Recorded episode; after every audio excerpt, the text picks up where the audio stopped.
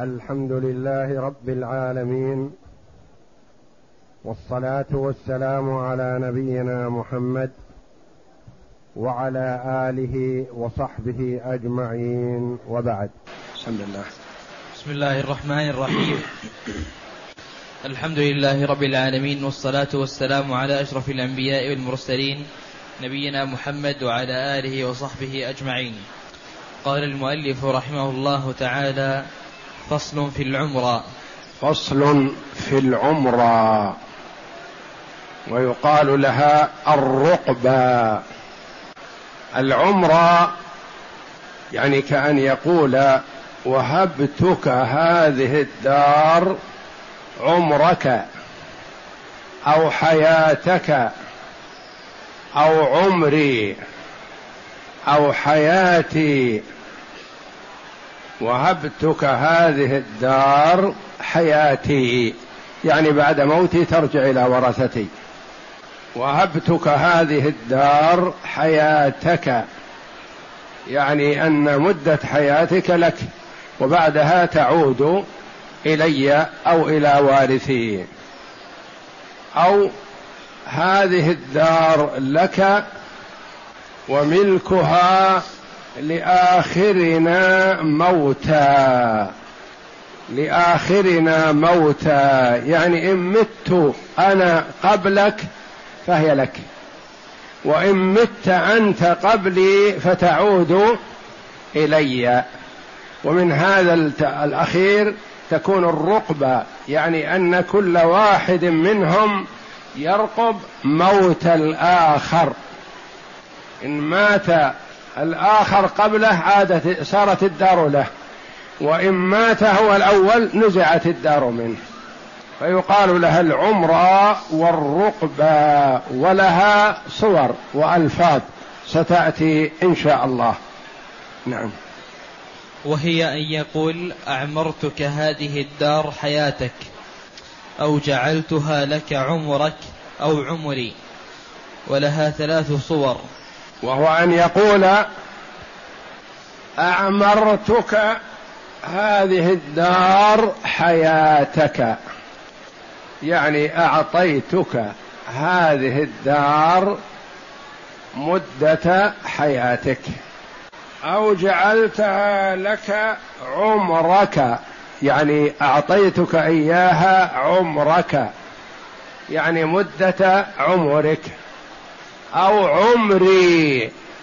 وهبت لك هذه الدار عمري.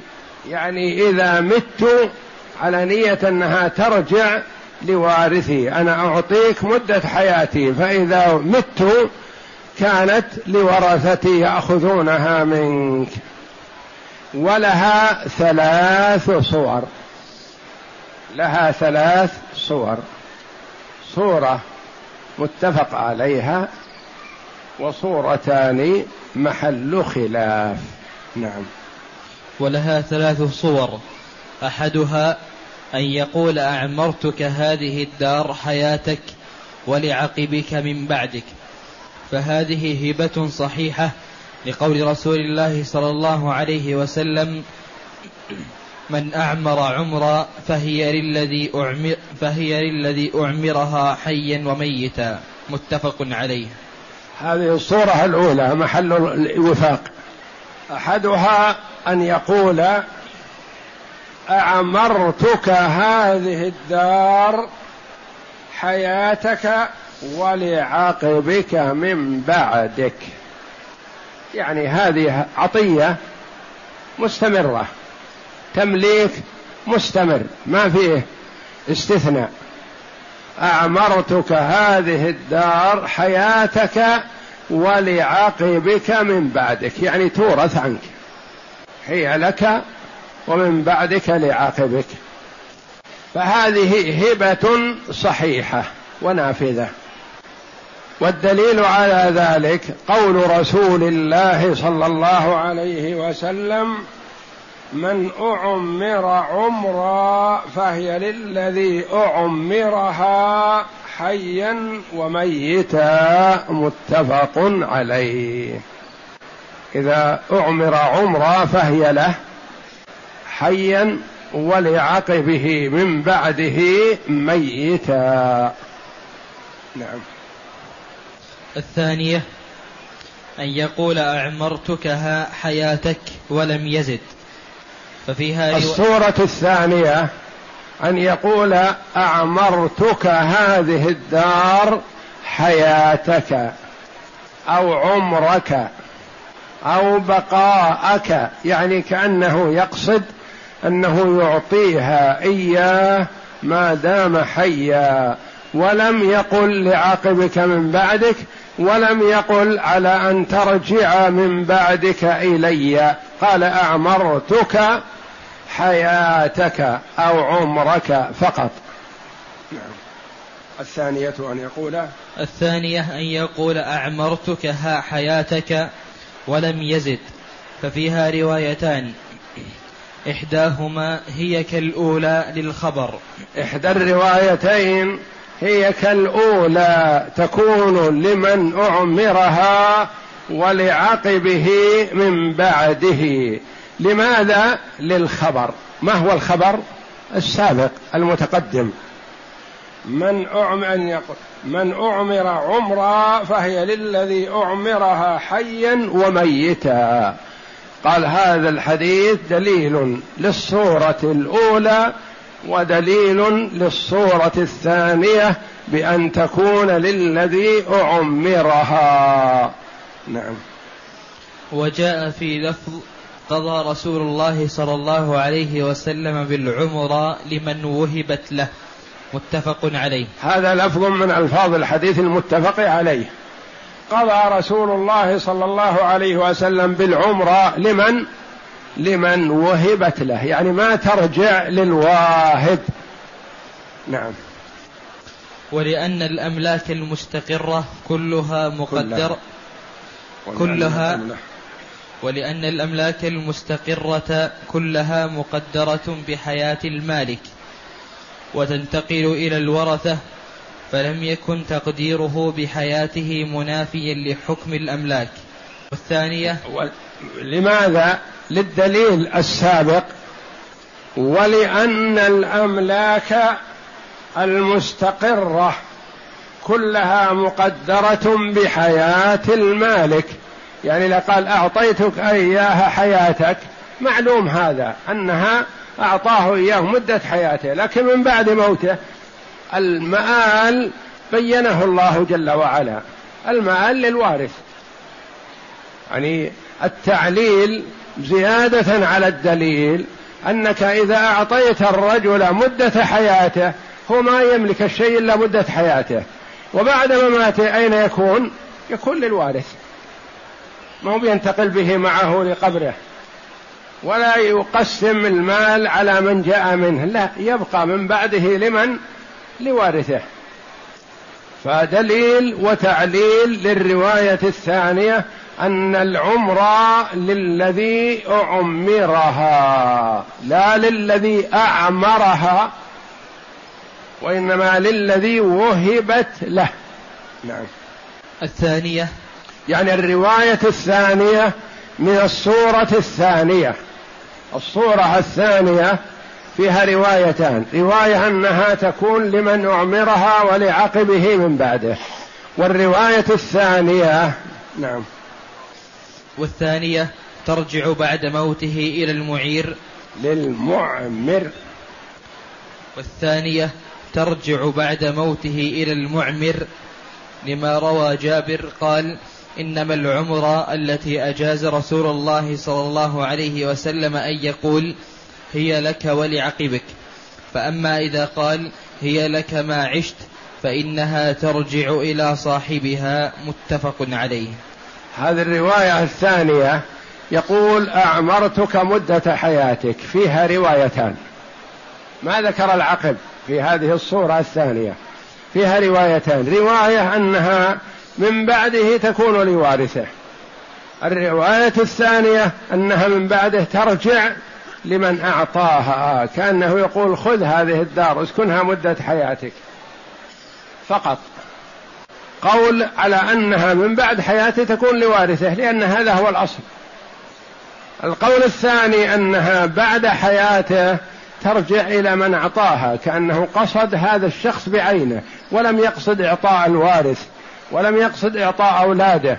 قال هي لك مدة حياتك يعني بعد مماتك أين مصيرها؟ ترجع إلي أو إلى وارثي من بعدي. الصورة الثانية فيها روايتان لأنه ما قال لك ولعقبك.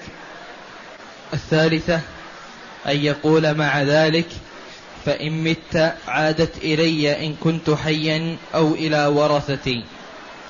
والرقبة الثالثة أن يقول مع ذلك فإذا مت عادت إلي إن كنت حيا أو إلى ورثتي والرقبة مثل ذلك. يعني هذه الأولى فيها إيضاح بالاستمرار. الصورة الثانية فيها سكوت. لك ما عشت لك حياتك ولم يذكر بعد الممات ترجع أو لا ترجع.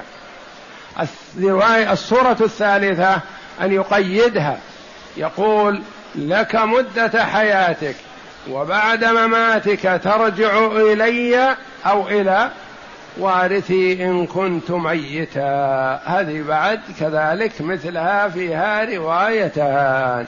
وهذه الرقبة لأن كل واحد يرقب موت الآخر لتعود إليه. وذاك نعم. ومثلها الرقبة أن كل واحد يقال مثلا هي لك مدة حياتك. والرقبة أن يقول هي لك وملك وتبقى تكون لآخرنا موتا. يعني إن مت أنا قبلك فهي لك. وإن مت أنت قبلي فهي ترجع إلي. هذه الرقبة لأن فيها مراقبة كل واحد يرقب موت صاحبه. نعم. والثالثة أن يقول.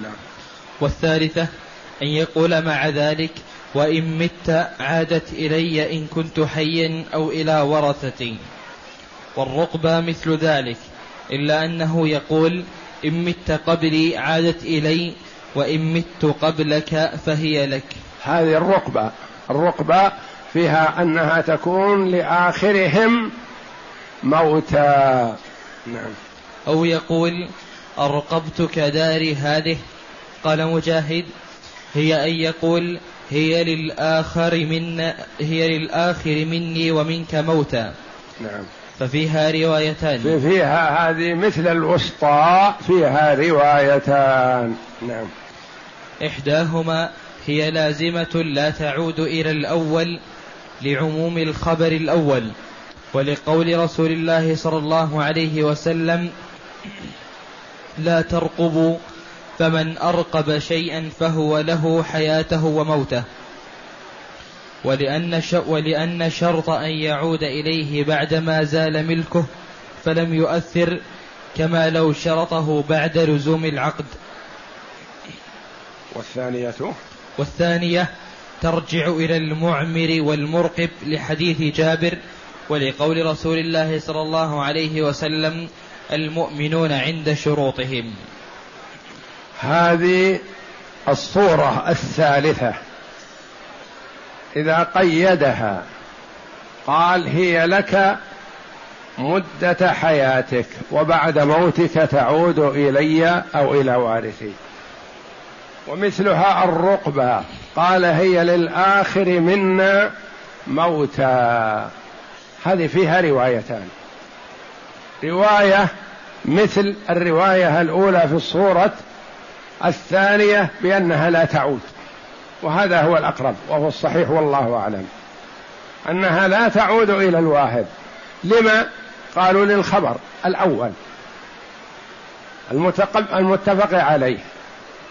ولأن ملكيتها زالت من الأول فلا تعود بعد ذلك الرواية الثانية أنها تعود والشرط هذا يكون صحيحا قال لقوله صلى الله عليه وسلم المؤمنون على شروطهم فهو شرط أن تعود فتعود له نقول.